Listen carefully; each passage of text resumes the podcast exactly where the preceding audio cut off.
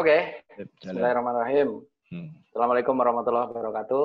Waalaikumsalam warahmatullahi wabarakatuh. Selamat berjumpa kembali Sobat E-Kampus. Kali ini saya ingin ngobrol-ngobrol lagi bareng dengan salah satu produk owner dari solusi e-kampus di ranah akademik manajemen sistem khususnya mungkin hari ini kita akan bahas tentang apa ya modul pembayaran mahasiswa. Uh, selamat datang Mas Urip Raharjo. Ya. Eh benar ya? ya? Benar Pak. Mas Urip Raharjo ini adalah salah satu uh, product owner dari solusi AMS di rumpun AMS. Setelah sekian lama sebenarnya saya sendiri memang mencita-citakan punya kesempatan untuk ngobrol-ngobrol dengan para produk ownernya e-kampus gitu, Mas Urip. Mungkin sebelumnya saya ceritakan profil beliau, ya sepengetahuan saya. Jadi Mas Urip ini apa ya sudah cukup lama bergabung di Gama Tekno dulu di divisi akademik solution dan kebetulan memang sudah ngoyot di apa ya rumpun akademik, akademik. jadi well, akademik lah ya urusan uh, kurikulum, urusan mata kuliah, kelas sampai dengan ya proses pembelajaran di back end, portal akademik, suka dukanya implementasi portal, suka dukanya SK 034 pada masa itu gitu. Apps bad maksudnya. Kalau sekarang sudah PDPT, uh, ini juga jadi uh, momen yang cukup menarik harusnya. Tapi uh, di AMS kali ini mungkin kita akan sedikit spesifik bahasnya tentang pembayaran mahasiswa karena ini juga harapannya pas dengan momentum PMB ya PMB penerimaan mahasiswa baru. Nanti siapa tahu banyak hal-hal yang bisa jadi pembelajaran gitu bagaimana Mas Urip ini bisa apa ya bersama timnya mendampingi kampus-kampus implementasi. Nanti Mas Urip boleh saja uh, kalau bicara kampus nggak apa-apa disebut namanya ya. karena uh, ini jadi bagian dari disclaimer kami. Jadi eh, kampus ini bukan punya niatan apa ya menyudutkan atau mendiskriminasi, menjelek-jelekkan itu tidak. Ini semata-mata sebagai bahan pembelajaran bahan belajar bersama. Ya bagi yang belum mengalami ya harapannya tidak mengalami setelah uh, mendengarkan percakapan kita ini. Oke, Mas Urip ini sudah mungkin lebih dari 10 tahun ya Mas Urip ya di Gama Tekno. Yeah. Lebih ya, lebih dari 10 tahun Sobat e Kampus. Jadi uh, beliau sudah sangat paham sekali variasi bisnis proses, solusi akademik, si akad atau ya apa ya SIA sistem informasi akademik di kampus-kampus. Mulai dari model universitas sekolah tinggi politeknik politeknik kesehatan apalagi itu akademi. Ya ada kurang lebih enam lah enam variasi. PTKL di bawah kementerian perguruan kementerian. tinggi kementerian lembaga. Ya seperti itu. Jadi 10 tahun lebih teman-teman. Mas Urip ini berkecimpung di dunia eh, rumpun akademik manajemen sistem uh, ya kalau status nggak perlu disampaikan ya. Ya sudah sudah jelas sudah sudah, sudah berputra. Sudah berputra dua ya kurang lebih sama kayak saya. Ya banyak kan saya satu lah. Nanti Mas Rip mungkin mau nyusul juga. Uh, itu uh, hal lain nanti mungkin sambil meluncur saja. Mungkin gini langsung aja Mas Urip mungkin yeah. bisa ceritakan uh, sejak kapan mungkin ya sejak bergabungnya tahun berapa nanti mungkin diceritakan pengalaman awal-awal berkecimpung di dunia uh, dunia apa uh, akademik manajemen ya kalau di kampus ya mungkin sering yeah. terdengar terdengar jargonnya si akad lah dunia yeah. si akad ini sudah berapa lama mas? Yeah. Sebenarnya mulai bergabung dengan Gama Tekno sejak pertengahan 2015.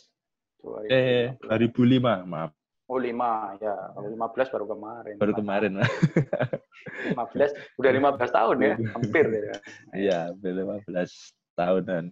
Uh, ya pertama bergabung masih selama sekitar satu tahun kalau tidak salah itu masih di bawah tim uh, akademik UGM. Jadi dulu spesifik uh, hanya uh, mengurusi custom akademik SIA, sistem informasi okay. akademik milik UGM saja. Hmm. Itu kalau tidak salah berjalan sekitar satu tahun. Setelah itu dapat assignment baru, mulai masuk ke project masih ingat waktu itu proyek pertama saya di Riau. Kampus Unri ya? Unri, ya. Okay. Kampus Unri pertama kali ya mulai dari awal implementasi. Kebetulan okay. pada saat itu saya di bawah Mas Trias. Nah, Trias ya. ya. Bawah Mas Trias untuk akademiknya bareng dengan implementasi admisi kalau tidak salah waktu itu dengan Mas Itu di bawah kalau dulu masih di bawah Pak Suyut untuk admisinya. Nah, itu. Itu pertama kali saya dinas juga ke Riau. Dinas tanpa rencana mendadak dan terbang tanpa nama saya. itu ya. pengalaman pengalaman uh, pertama terbang dan tanpa nama saya dengan nama orang lain. Tut gitu ya. Oke oke. Ya, itu cukup lama, banyak kampus, Unri, kemudian pernah juga Semarang itu ada juga kampus yang saya dampingi. Eh, rata-rata masih seputar akademik sampai sekitar tahun 2010 itu mulai masuk saya ke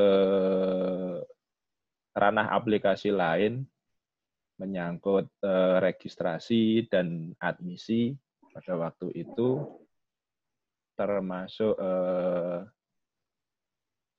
perancangan admisi yang baru. Karena admisi sebelumnya itu kan lebih berpatokan pada uh, UM ujian masuk UGM hmm.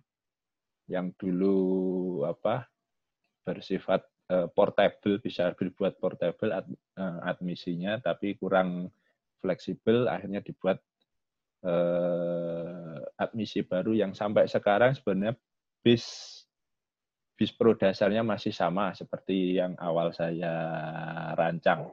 Okay. Seperti itu. Kemudian mulai ber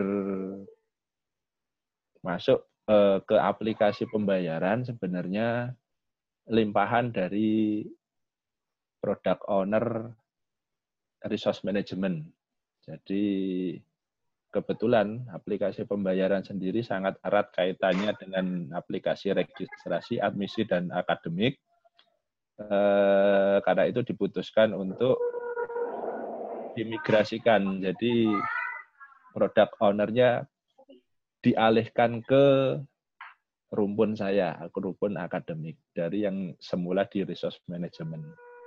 Hmm. Jadi itu yang pertama kali saya implementasi itu sudah ada berbagai macam fitur varian dari aplikasi akademik bawaan sendiri.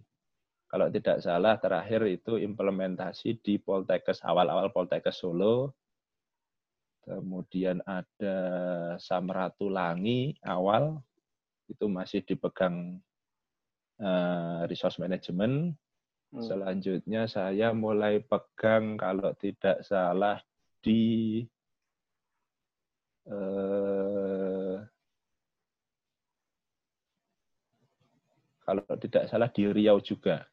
Riau awal-awal implementasi uh, bukan yang UIN itu ya, UIN Syarif Prasim atau apa gitu? Bukan ya? Uh, bukan. Atau tetap di Unri, masih di Unri ya? Kalau tidak salah masih di Unri, tapi masih okay. su, uh, Sudah beda modul. Ya, oh. ada integrasi host to host semacam itu masih okay. background. Okay. Itu menarik nanti kalau kita bahas yang uh, pembayaran khususnya di situ. Baik. Yeah. Mungkin uh, itu Mas Urip. Jadi kalau ya mungkin teman-teman sobat kampus nanti bisa bisa uh, apa namanya sedikit menyimpulkan bahwa ya pengalaman Mas Urip ini untuk uh, menangani dunia uh, apa namanya pengelolaan akademik jadi mulai dari mahasiswa masuk sampai dengan mungkin proses uh, yudisium sebutnya sebelum wisuda sebelum kelulusan ini sudah sudah mendarah daging gitu bisnis proses knowledge-nya itu sudah sangat banyak termasuk pengalaman-pengalaman implementasi Nah, saya pikir uh, mungkin yang perlu di-share itu ini, uh, Mas Urip, apa namanya, kaitannya dengan uh, sukses faktor ya. Maksudnya yeah. kalau dari pengalaman tadi uh, kita lebih ngerucut lagi mungkin ke ini deh. Kalau tadi kan uh, pengalaman mengimplementasikan di dunia back end ya, back office-nya yeah. untuk pengelolaan akademik. Mungkin ini lebih spesifik ke maju ditarik ke depan itu tentang pembayaran mahasiswa karena tema topik hari ini tentang eh, finansi pembayaran mahasiswa. Jadi bagaimana apa yang kemudian harus diperhatikan yang itu menjadi kunci sukses kampus ketika mengimplementasikan eh, pembayaran secara online ya. Maksudnya karena ini kita juga sudah eh, integrate dengan beberapa bank. Nanti mungkin juga boleh kalau mau diceritakan ke arah sana Mas Urip. Apa ini? Ya mungkin kalau satu terlalu sedikit sukses faktornya ya dua atau tiga lah. Maksudnya minimal ya maksudnya uh, ya akan ada beberapa pastinya yang ini yeah. kita harapannya juga supaya teman-teman juga bisa belajar dari situ apa itu mas ya yeah. uh, biasanya yang jelas di awal itu kejelasan uh, aturan pembayaran nah okay. uh, ya. Ya. Beberapa kampus uh, untuk kampus-kampus negeri rata-rata uh, variasinya cenderung sama dan itu uh, akan lebih mudah untuk diakomodir dan sudah terakomodir di aplikasi kita. Variasi yang biasanya akan menjadi uh, kendala hambatan biasanya untuk kampus-kampus swasta. Nah, kampus swasta hmm. itu Eh, terutama untuk PMB penerimaan mahasiswa baru itu banyak sekali variasinya. Ya, ada terutama sistem diskon. Nah, diskon ini macam-macam dan akan sangat cepat eh, berubah aturannya. Nah, itu itu eh, apa? Ya kunci suksesnya aturannya yang jelas ya. harusnya harus jelas, harus fix Eh, yang kedua ham, jadi hambatan juga kalau eh, sangat fleksibel terutama untuk eh, aturan PMB. Tapi itu rata-rata selama ini yang kita temui itu hanya di kampus swasta. Itu kemudian yang kedua tentunya eh, kerjasama dengan bank yang ada. Jadi biasanya kampus itu sudah memiliki mitra. Nah, sampai titik mana kerjasama mereka, terutama komunikasi antar mereka itu terjalin. Banyak beberapa yang kita temui itu ketika dengan mulai memakai aplikasi ternyata mereka mulai berpikir untuk berganti bank karena apa? Karena komunikasi dengan bank sebelumnya itu tidak terjalin dengan baik. Ya komunikasi ini biasanya kita akan uh, yang jelas kampus akan menginginkan otomasi. Nah, opsi-opsi otomasi atau uh, kemudahan pelayanan dari sisi untuk uh, dari bank untuk mahasiswa melakukan pembayaran dan untuk kampus itu mendapatkan laporan. Nah, itu tidak semua bank memiliki uh, solusi yang bisa dibilang cocok untuk kampus. Ya. Rata-rata yang kita temui di bank itu punya solusi untuk bisnis, tapi belum tentu itu cocok atau pas untuk kampus. Itu. Hmm. Kemudian yang jelas dari sisi operator eh, pengguna itu pemahaman terhadap eh, bisnis proses yang biasa mereka lakukan dan juga nanti implementasinya di aplikasi. Nah, ini eh, akan menjadi tantangan tersendiri ketika implementasi, apa, apalagi untuk kampus yang besar, karena be, biasanya untuk kampus besar itu operator pun nanti akan terbagi. Ada yang tiap fakultas punya, ada yang ya ada juga sih yang terpusat di kampus. Kalau yang terpusat di uh, universitas biasanya permasalahannya adalah menangani data yang terlalu banyak. Kalau di double, double kerjaan gitu ya. Ya. Jadi dia banyak data yang sebenarnya dia tidak menguasai, tidak tahu asal usulnya, tapi dia harus tangani itu pembayarannya bagaimana, tagihannya seperti apa. Nah, itu. Nah, itu. Kalau dipecah per fakultas juga biasanya tetap ada eh, permasalahan uh, sinkronisasi aturan yang biasanya kadang fakultas juga punya aturan sendiri. Apa ya, Keputusan keputusan apa namanya? Uh, aturan yang ditetapkan itu antara fakultas dengan universitas ada perbedaan gitu ya? Ya, kadang ada perbedaan. Terutama ya Ya, apa yang case terakhir yang kami temui itu untuk uh, sekarang kan rata-rata kampus negeri itu pasti menggunakan standar uh, eh, UKT ya, uang kuliah tunggal. Nah, perhitungan uang kuliah tunggal pun kemarin kita menemukan di salah satu kampus itu ternyata ada suatu prodi yang beda rumusan. Ada satu fakultas yang dia beda sendiri daripada fakultas yang lain. Jadi fakultas lain itu memperhitungkan ada gaji, eh, penghasilan, ada eh, apa kemarin eh, rumah tempat tinggal semacam itu. Ada satu fakultas yang dia hanya memperhitungkan satu faktor saja, hanya gaji atau pendapatan orang tua saja. Semacam itu. Dan juga ya kemarin variasinya jadi agak uh, rumit karena ternyata uh, batasan batasannya juga beda. Misal yang prodi umum itu misalnya batasan uh, pendapatan itu 8 juta, yang prodi ini batasan pendapatannya lebih tinggi. Ya, jadi ada perbedaan rumus, ada perbedaan uh, standar atau batas juga.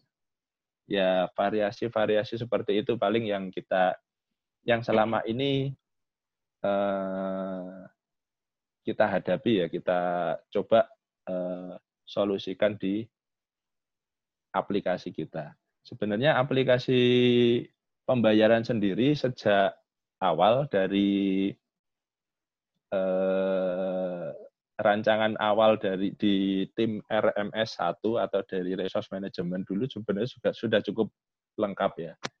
Kita punya eh, berbagai macam variasi tarif, mulai dari tarif untuk tagihan yang rutin perangkatan akan selalu sama nominalnya, itu sudah ada.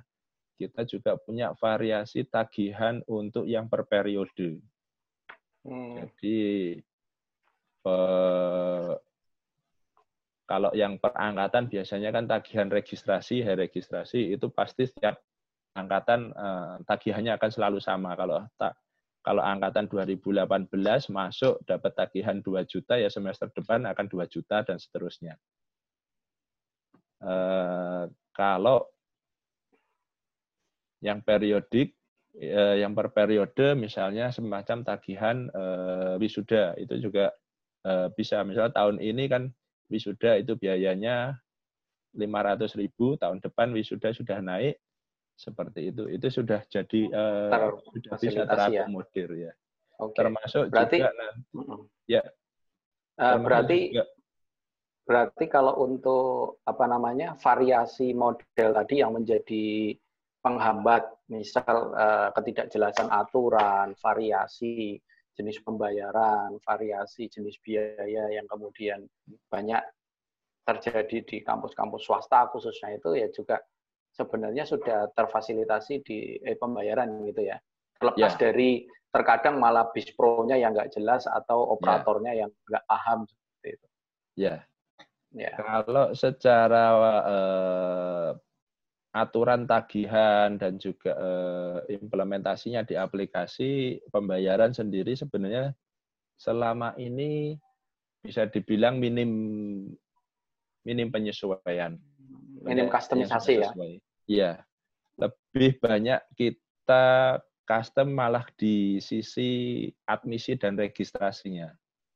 Oh, karena tahapnya. Nah, karena tahapan itulah yang nanti menentukan berapa besaran nominal tagihan dan juga eh, kena aturan tagihan yang mana di aplikasi pembayarannya. Penyesuaiannya lebih pada bispro di admisi PMB dengan di registrasi yang mahasiswa existing istilahnya ya. Iya, betul. Misal misal aturan kalau cuti harus bayar berapa, ini tiap angkatan juga bisa beda-beda atau ya. kalau PMB juga ini modelnya beli pin, ah, beli token atau nginput dulu di uh, entry biodata baru dapatkan pin pergi ke bank atau beli pin dulu baru bisa nginput untuk login ke apa webnya seperti itu ya? Ya, ya. Seperti itu. Itu variasinya itu aja mas? Atau artinya ada nggak pengalaman di luar variasi yang tadi itu? Variasi untuk model pembayaran mahasiswa baru? Ya, kalau untuk model pembayaran mahasiswa baru, eh, pembelian sebagai pengganti pembelian formulir ya, itu ada paling tidak ada dua macam. Memang ada yang dia eh, beli dulu baru isi, ada juga yang dia uh, mengisi dulu datanya, baru dia bayar. Ada seperti itu. Variasinya dua itu. Ada juga uh, paling tambahan variasi adalah kampus-kampus yang menggratiskan biaya pendaftaran. Hmm, jadi cukup dia langsung uh, melakukan uh, booking tanpa membayar apa namanya tanpa membayar nominal rupiah, dia langsung melakukan entry data semacam itu bisa. Itu varian eh, di pembelian uang eh, pengganti formulir biasanya ya, uang pendaftaran oh. pengganti formulir. Kemudian Oke, nanti berarti... ada va varian lanjutannya nanti biasanya untuk PMB terutama swasta itu nanti terletak di penentuan uang registrasi. Kalau swasta itu biasanya ada uang gedung atau uang pembangunan semacam itu, ada uang sumbangan. Gitu. Nah, di sana kadang yang uh, ada penentuan kampus, beberapa kampus misalnya untuk yang menerapkan untuk yang itu berasal dari referral atau misalnya dari eh, mahasiswa sebelumnya yang merekomendasikan semacam itu, itu nanti akan ada diskon khusus. Nah, macam-macam itu yang jadi apa ya? Ya variasinya Variasi. jadi banyak ya. cukup ya? luas untuk untuk eh, pembayaran registrasi. Tapi model pembayaran yang seperti itu sendiri kalau di eh, admisi kemudian uh, nanti di back end-nya di e pembayaran mahasiswa sendiri itu sudah terfasilitasi ya? Ya, sebenarnya sudah terfasilitasi. Hanya tinggal biasanya masalah penentuan. Bagaimana okay. menentukan mahasiswa ini kena tarif yang mana. Nah, itu kan letaknya nanti antara di uh, admisinya atau di registrasinya yang menentukan. Oh, Oke. Okay. Berarti menentukan besarannya atau prosesnya menentukan, gitu ya? Ya, menentukan besaran tagihannya atau besaran diskonnya biasanya. Hmm, berarti itu yang perlu dipersiapkan kampus juga kalau mau menerapkan bisnis proses yang seperti itu gitu ya. Iya, betul sekali. Kalau dari sisi kesiapan dari pihak Bank Mitra sendiri gimana, Mas Urip? Ini kan bagian dari sukses faktor ya, maksudnya model pembayaran mau secanggih apa pun, karena ini kita melibatkan lembaga keuangan dalam hal ini bank gitu. Apakah ada apa ya eh, kisah story yang cukup menarik yang bisa di share ke teman-teman? Ya nanti mungkin tidak usah nyebut merek, tapi ya setidaknya eh, apa sih yang kemudian menjadi eh, challenging untuk ya. implementasi ketika kampus itu memang sekarang eranya juga sudah apa-apa online gitu. Karena kan banyak juga, saya cerita sedikit ya, banyak ya. juga yeah. uh, kampus itu uh, ya mohon maaf gitu teman-teman. Jadi uh, yang uh, biasalah warga kita kan plus 62 ini kan euforianya kalau lagi ngalor ya ke utara ya ke utara semua ini lagi rame rame-rame pembayaran uang elektronik yang dadak semua mau pakai uang elektronik padahal Ya ini kan juga ada syarat ketentuan berlaku tentunya. Yep. Karena membayar SPP ini tidak seperti membeli boba gitu kan atau ya. beli Thai atau beli uh, kopi. snack jalanan, yeah. kopi yang kemudian harganya ya di bawah 100 ribu lah, di bawah 50 ribu yang receh gitu. SPP ini kan variasinya sangat luas gitu. Ada yeah. juga yang nol bahkan karena ini sifatnya beasiswa misal atau bahkan bisa sangat mahal yang itu juga nominalnya melampaui platform sebuah uang elektronik gitu.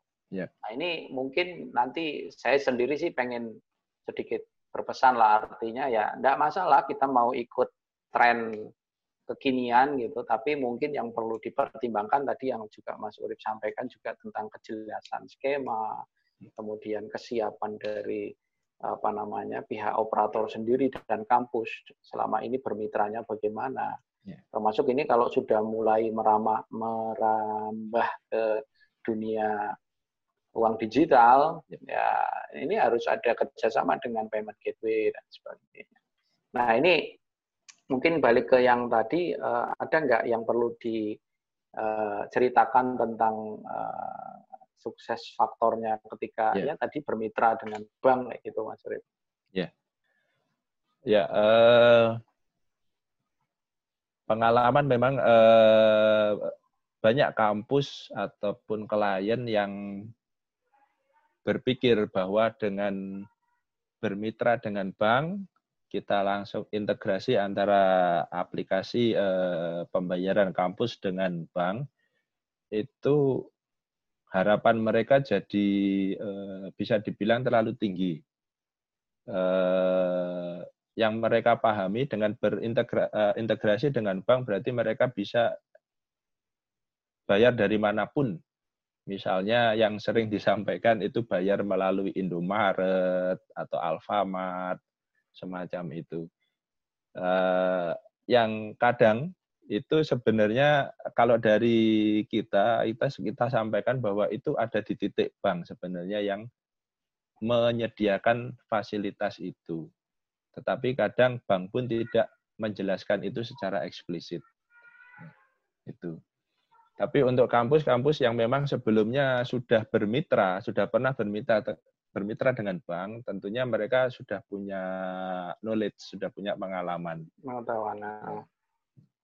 Nah, eh, bisa dibilang eh, ada beberapa kampus yang cukup cepat ya kita eh, mengimplementasikan aplikasi, ya, baik itu aplikasi terutama kan eh, yang apa biasanya dibutuhkan cepat untuk eh, bisa dimanfaatkan adalah aplikasi admisi. Nah, aplikasi admisi atau pem, pem, uh, penerimaan mahasiswa baru itu erat kaitannya dengan aplikasi pembayaran. Dan untuk mempercepat itu biasanya implementasinya mereka pasti ingin langsung terintegrasi dengan bank.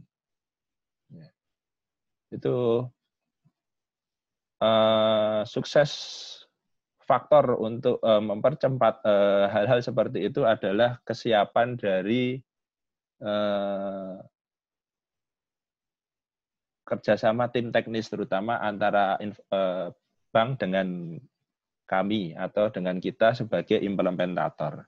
dari sisi kampus tentunya biasanya hanya masalah administrasi saja ya, MOU semacam itu dengan bank. Nah, implementasi teknisnya itu ada di dua titik antara di bank atau di kita sebagai implementator. E, ditentukan tergantung dari standar mana yang akan kita pakai beberapa bank yang sudah siap mempunyai standar kemarin yang sering kita gunakan atau yang sering ditawarkan oleh bank adalah standar virtual account ya. Eh, beberapa bank yang sudah siap itu eh, kita akan lebih cepat, lebih mudah untuk eh, menyesuaikan atau mengakomodir standar virtual account dari bank. Kita pernah implementasi di salah satu kampus bisa dibilang untuk urusan teknis itu hanya memakan waktu satu minggu itu sudah clear sampai titik testing development selesai sudah siap naik production. Itu eh, ada salah satu kampus di Malang yang kita kemarin bantu untuk implementasi hmm. hal itu. Alhamdulillah pada saat admisinya itu eh, memakai milik kita sudah mulai implementasi admisi itu sudah langsung terintegrasi dengan bank dan sudah bank. bisa menggunakan layanan bank. Okay. Bahkan kita bisa langsung perlihatkan eh, berapa total transaksi per harinya. Pendapatan hari ya, itu gitu ya. Bisa dibilang hari, pendapatan kampus per hari itu bisa dilihat. Langsung. Oke. Okay. Itu eh, kalau dari eh, pembayaran sendiri untuk memfasilitasi admisi sebenarnya sudah mampu apa ya eh, mem memfasilitasi kampus kalau yang bermitra dengan bank ada berapa bank mitra Pak Mas Urip? Ya, eh, kita ada beberapa varian ya. Kita sendiri varian. dari awal eh, setahu saya dari awal aplikasi pembayaran itu dilimpahkan dari resource management itu kita sudah punya standar host to host yang itu pada waktu itu paling tidak sudah ada sudah ada Bank BNI, Bank Mandiri dan BTN yang pada waktu itu sudah bisa memanfaatkan atau terintegrasi dengan sistem standar host to host kita. Selain itu yang awal-awal ini ah, eh, baru berkembang itu adalah virtual account. Virtual account kita sudah punya eh, satu, dua, tiga standar virtual account dari masing-masing bank. Nah, virtual account ini standarnya tiap bank bisa berbeda. Okay. Dan itu keluaran dari bank. Ada suatu bank juga yang bank daerah, terutama uh, yang kemarin ingin bekerja sama, kita sampaikan apakah punya standar virtual account, ternyata juga belum punya. Jadi tidak semua bank punya standar virtual account. Wah. Nah, itu. Catatan menarik itu. Mungkin yeah. ekspektasi kampus selama ini kan, oh, bank sudah dewa semuanya gitu ya. Tapi yeah. ya ini ini sebuah apa ya, sebuah informasi yang mungkin nantinya bukan pada tataran bermaksud kita me, diskriminasikan atau yep. me, apa ya e, menjudge sebuah bank itu baik atau buruk yeah. semuanya saya pikir kembali ke services nanti yeah. uh, dari pihak kampusnya yang uh, pandai-pandai lah memilih bank mitra mana yang kemudian cukup uh, compliance dengan banyak aturan karena kalau kita bicara komunikasi data itu juga ada standarnya yeah. komunikasi apa namanya nanti juga standar untuk uh, settlement dan sebagainya itu kan yeah, juga semua betul. ada aturannya. Artinya yeah. pasti bank akan concern ke hal-hal seperti itu dan mungkin pesan kita juga pesan eh, kampus sendiri untuk para sobat e-kampus yang yang ingin mengimplementasikan host to host atau pakai virtual account juga ya diinvestigasi dulu seberapa yeah. pihak bank mitranya itu mampu untuk menjalankan itu gitu ya. Ya, betul sekali. Ya. Kalau tadi kan pengalaman implementasi tercepat satu minggu, Mas Urip. Kalau yang yeah. terlama itu berapa lama itu? Supaya pada tahu juga. Ya, terlama itu bisa sampai 2-3 bulan. Jadi okay. eh, permasalahannya seperti ini. uh, untuk menggunakan standar host uh, untuk bank yang belum punya standar virtual account, maka kita tawarkan standar host to host. Okay. Atau mungkin kampus yang tidak se, tidak mau memakai virtual account dari bank itu, maka kita tawarkan uh, solusi host to host. Solusi host to host sendiri itu berarti nanti karena kita yang punya standar, e-kampus yang punya standar, berarti bank yang harus menyesuaikan. Nah, berapa lama hmm. bank menyesuaikan itu akan tergantung dengan tim teknis dari sisi bank. Bank. Ya. ya, ya. Akan beda ceritanya ketika uh, kita implementasi standar virtual account yang milik bank. Jadi bank yang sudah hmm. punya standar, bank yang share, maka kecepatan implementasinya akan tergantung dari tim e-kampus untuk men menyerap dan menyesuaikan uh, standar yang diberikan. Nah, kecepatan tim e-kampus pun untuk menyesuaikan akan tergantung dari support dari uh, bank, terutama untuk uh, standar testingnya. Ya. Ada beberapa bank yang dia mensyaratkan standar testing tertentu. Ada misalnya uh, max hit minimum berapa ribu hit, kemudian sukses rate-nya berapa persen. Ada yang seperti itu. Tapi ada juga bank yang cukup mudah. Yang penting kita sudah uh, pernah implementasi. Kita tinggal, uh, saya pernah hanya tinggal bilang, Mas, saya sudah pernah implementasi eh, standar ini di kampus ini. Tolong saya dikasih uh, credential production-nya saja. Bisa langsung seperti itu. Itu akan jauh uh, uh, apa mempercepat kita dalam implementasi. Oke. Okay.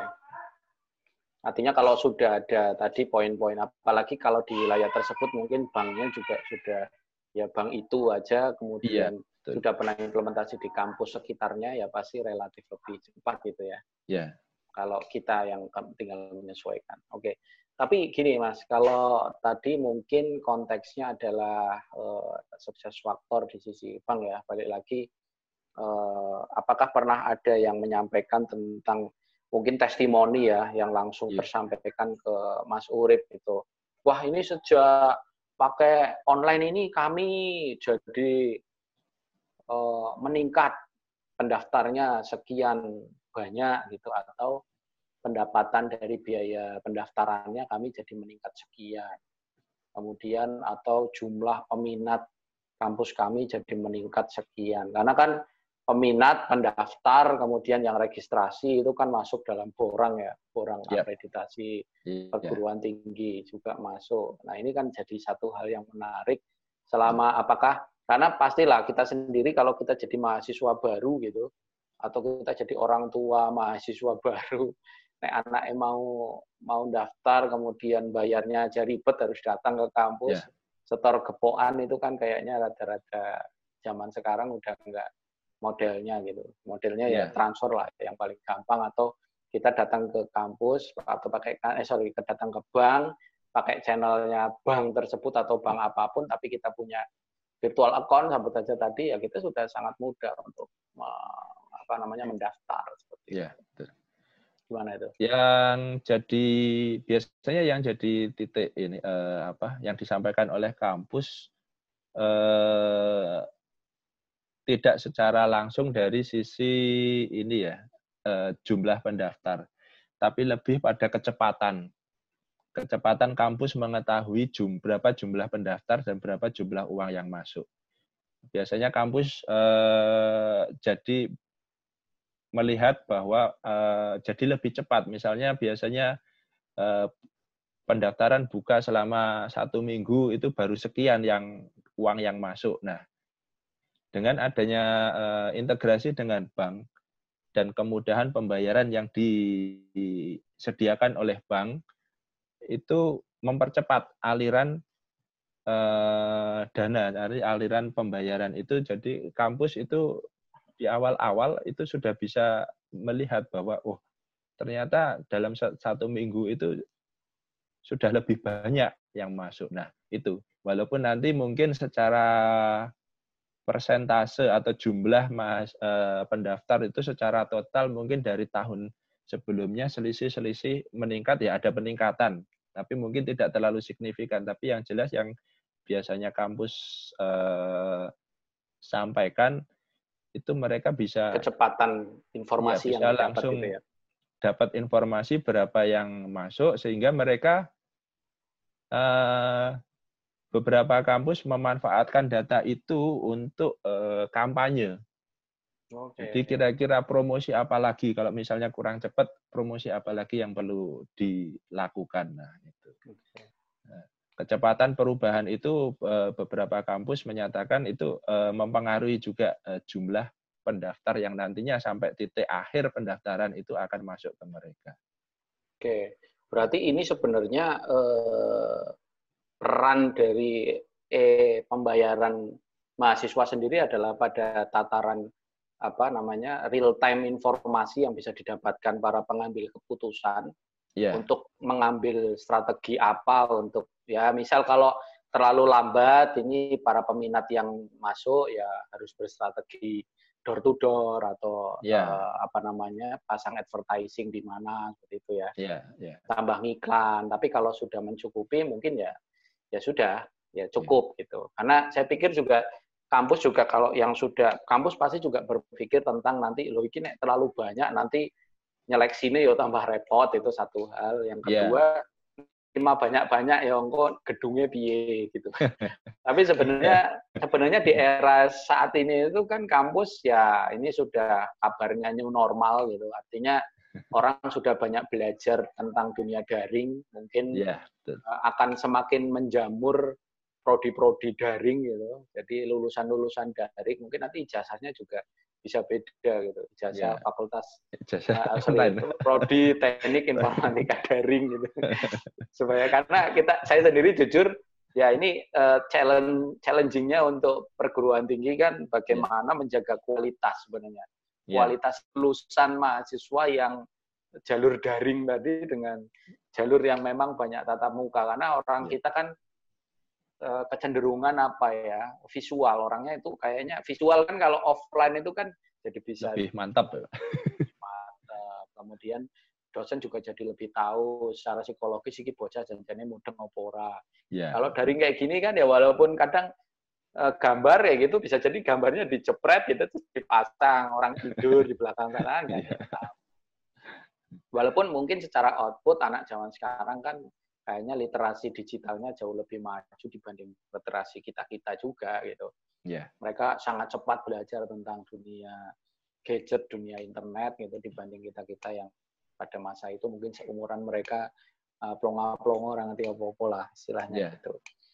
Nah ini uh, menarik Mas Urip kaitannya dengan tadi ya sukses. Mungkin saya mungkin sedikit menambahkan saja, menambahkan cerita buat teman-teman sobat kampus kaitannya dengan uh, sukses story atau sukses faktor tentang implementasi pembelajaran mahasiswa di tahun 2010 mungkin Mas Urip waktu itu masih berkecimpung. Saya juga di Gama Tekno masih di uh, dunia palu gada. Jadi apa yang ada dikerjakan gitu. Yeah. jadi juga menangani sekolah di bawah salah satu kementerian PTKL yang itu dulu model pembayar eh, sorry model registrasinya mahasiswa barunya masih uh, konvensional. Karena itu memang yeah. kondisi dan prasyarat yang memang cukup rumit. Karena ini sekolah semi militer juga. Yeah. jadi harus ukur tinggi badan berat badan sama tes mungkin push up sit up gitu kan. Badannya dicek gitu ini ada tatonya apa enggak gitu Kemudian juga ya itu ada keterbatasan para pendaftarnya juga jadi terbatas hanya dari daerah-daerah sekelilingnya saja, iya. kabupaten, kota, provinsi sekelilingnya, tapi tidak mampu menjangkau coverage yang lebih luas. Contoh misal ke wilayah seluruh Indonesia lah. Ya, dengan adanya online, bayarnya juga online, kadang orang kan sudah nggak perlu khawatir ya. Yang penting kayak tadi tinggal pilih skema bayarnya mau bayar dulu atau yeah. entry data dulu gitu. Sebenarnya ada plus minusnya juga kalau kita bicara konteks orang akreditasi juga ngisi dulu atau bayar dulu itu ada plus minusnya lah. Kalau ngisi dulu ya siap-siap kampus kedatangan banyak sampah gitu. Iya. Uh, tamu tak diundang nggak datang Hanya lagi. iseng. Orang iseng ya. Kalau kalau bayar dulu ya sebenarnya itu jauh lebih secure karena itu aman. Orang mungkin juga mikir-mikir naik wis bayar mosong nggak nggak masuk gitu. Iya. Nggak masalah. Nggak apa-apa, halo. Ada nanya sore. Nggak apa-apa. Ini ngobrol santai. Ikut ngan. nggak apa-apa ya. Nah, Nah itu, jadi eh, waktu itu juga orang yang daftar yang tadinya cuma 65 seminggu, sekarang jadi bisa eh, ratusan, bahkan Ya. meningkatnya bisa, waktu itu kita itu menghitung sampai 600 orang gitu. Sorry, 600 orang, 600 persen. Jadi meningkatnya sampai 600 persen. Nah ini ya mungkin kadang juga penggunaan media online kadang jadi bisa jadi berkah buat kampus yang memang masih berharap ada banyak ada banyak hai siapa namanya Hana. Eh, Ana ya ada ada kampus yang memang apa namanya berharap mahasiswanya banyak tapi kalau yang kapasitas gedung kemudian kapasitas kelasnya terbatas juga tidak terlalu berharap ya artinya karena kerjaannya juga jadi menyeleksi gitu bukan perkara yang mudah kan yo nek engko nyeleksinya bener nek salah eh, saiki media sosial sudah lebih kejam dibanding ibu TV Iya, betul. orang di, di blow up di situ udah habis itu istilahnya. Zaman sekarang itu agak susah-susah gampang. Nah mungkin itu mungkin tadi banyak udah saya catat Mas Urip kaitannya dengan apa ya ya sukses faktor. Eh, kalau suka dukanya apa Mas? Misal apa pernah disemprot klien atau ya ini aja lah supaya Iya. teman-teman juga bisa dapat pembelajaran. Ya kadang kita juga sebagai partner gitu itu lebih itu lebih cenderung diposisikan kayak ya gue kan harus tak bayar ya gue manut aku kadang kan kayak gitu tapi kita bareng-bareng di sini lah mengedukasi Ya. semua pihak termasuk ya yang namanya IT itu tidak melulu konsultannya hebat tapi kalau usernya juga tidak bisa kooperatif juga saya pikir saya pikir ini juga uh, jadi kunci Ya. kunci sukses faktor juga gitu. gimana mas ceritakan kesedihan dan kebahagiaannya mungkin bahagianya dulu lah Iya, kalau bahagianya jelas eh, ketika suatu aplikasi itu bisa dengan cepat terimplementasi, klien bisa Senang ya? langsung Oke. memanfaatkan, wah sangat senang sekali. Apabila, apalagi kalau klien itu sudah terlihat bisa melihat uangnya, Hmm. eh, mengatakan bahwa sekarang saya terlihat uangnya sekarang segini, ternyata bisa lebih cepat masuk, bisa lebih banyak, bisa terpantau, wah, itu senang sekali. Nah, eh, karena memang aplikasi ini berkaitan langsung ya dengan yang namanya uang. Jadi ya eh, suka duganya itu seputaran uangnya itu. Jadi eh, terutama ketika integrasi ada report atau eh, nominal atau rekonsiliasi dari bank yang itu berbeda data dengan yang di kampus, tentunya kita yang kena.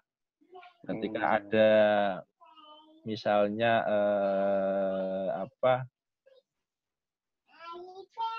integrasi Bayar nggak- nggak masuk gitu ya.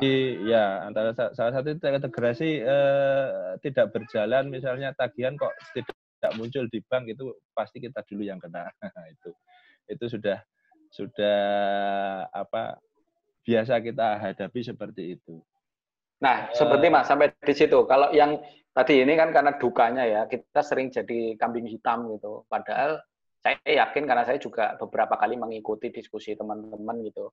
Eh, pihak kampus itu sering mengkambing hitamkan kita terutama ketika ya kayak tadi situasinya tagihan nggak muncul dari bank. Nah, padahal Ya. coba Mas ungkap beberapa fakta gitu, beberapa fakta di lapangan yang yang mungkin nggak terlalu teknis tapi ini mudah dipahami orang pada umumnya. Kenapa sih data tagihan itu nggak muncul gitu? Mungkin yang non teknis saja apa apa itu penyebabnya?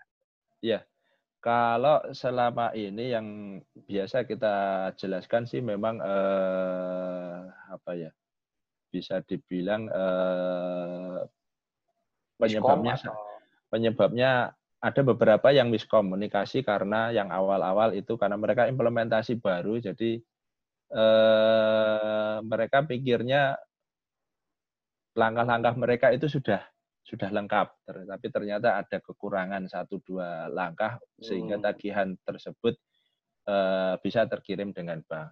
Kemudian yang kedua biasanya uh, ya agak teknis masalah antrian antrian tagihan karena hmm. biasanya ketika uh, itu terintegrasi dengan bank itu uh, tagihan yang bisa di yang aktif pada satu waktu itu hanya ada satu per mahasiswa. Hmm. Ya. Jadi uh, kadang itu itu jadi pertanyaan Padahal ya memang seperti itu standarnya Pak, supaya bank. supaya bank itu bisa menerima tepat sesuai dengan yang uh, tarif atau nominal tagihan yang diberikan oleh kampus. Seperti nah, kalau misal kayak tadi uh, sukses rate atau bank itu hanya hanya mampu menampung atau menangani dalam satu waktu itu sekian hit pembayaran itu tuh kadang dipahami nggak sih dari sisi pihak kampusnya sendiri gitu Ya asumsinya yeah. kan mereka mungkin selalu membandingkannya dengan masa kalau saya bayar tiket itu juga langsung bisa semua yeah. dan sebagainya. itu kecenderungan kan yeah. membandingkannya dengan hal-hal yang sifatnya retail yang kadang uh, ya mungkin di belakang layarnya kan beda-beda mekanisme, beda tempat seperti itu. Ya. Yeah. Uh, memang kadang agak susah menjelaskan karena kan ada beberapa ada beberapa faktor ya di sana ya. Uh, dari faktor server server yang dimiliki baik itu entah sewa entah dimiliki oleh kampus. Yang jelas server itu biasanya tentu akan jauh berbeda standarnya dengan eh, server-server yang dimiliki misalnya eh, eh, toko-toko retail online. Okay. Pasti server mereka akan jauh lebih besar daripada yang kampus miliki. Biasanya seperti itu. Kemudian faktor jaringan juga, bandwidth. Okay. Ya, jaringan itu eh, agak susah juga kalau di kampus itu tidak mempunyai tim IT. Nah, okay. Jaringan itu kan tidak hanya tidak hanya kadang klien kan mikirnya, oh saya Facebookan aja lancar kok gitu. Padahal kan titiknya bukan di situ untuk integrasi itu. Kalau Facebookan itu kan hanya dari laptop atau dari kompu, eh, HP kita keluar. Padahal yang namanya integrasi itu selain jalur keluar juga ada jalur untuk masuknya. Jadi up link dan down link. Nah, itu itu yang sering tidak eh, dipahami oleh user. Secara teknis itu. Kemudian nanti ada juga masalah koneksi. Koneksinya ke eh, loop, koneksinya ke mana saja. Kan ada koneksi yang misalnya uh, langsung dari transit transit server, dulu itu ya langsung dari server ya. kampus ke bank ataukah nanti macam ini uh, titik integrasinya pun beda ya semacam ada beberapa ada bank yang yang yang ketika payment itu banknya yang aktif bank yang akan aktif uh, mengirimkan data ke kampus atau ke server kampus tapi ada juga yang bank itu tidak mau jadi bank tetap okay. pasif kalau ada pembayaran, ya silahkan dicek. Per jam ini, per detik ini, berapa data pembayaran untuk kampus itu. Nah, hal-hal semacam ini yang kadang uh, dirasa kampus kadang dinyatakan kok lambat masuknya yang dengan bank itu kok bisa lebih cepat masuk. Nah, itu kadang uh, ya kita berusaha menjelaskan.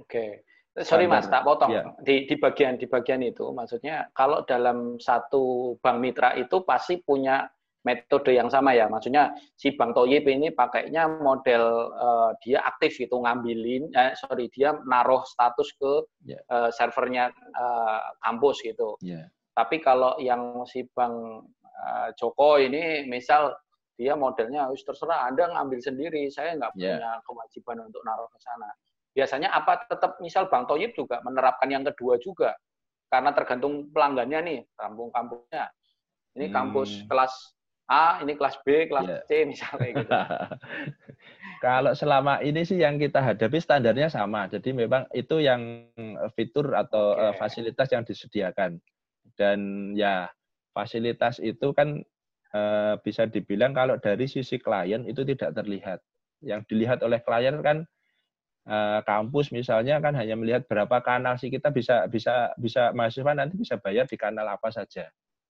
Yeah. ATM, teller, mobile, banking, mobile atau mungkin nanti bisa lewat Indomaret, bisa lewat Alfamart, bisa lewat mana lagi. Nah, itu biasanya yang di eh, apa yang yang dilihat oleh kampus adalah itu dan juga itu juga yang jadi bahan pema, eh, apa bahan komunikasi pemasaran promosi dari pihak bank. Nah, sisi teknisnya itu yang tidak terlihat bagaimana standar bank itu melayani kampus itu tidak terlihat. Oke.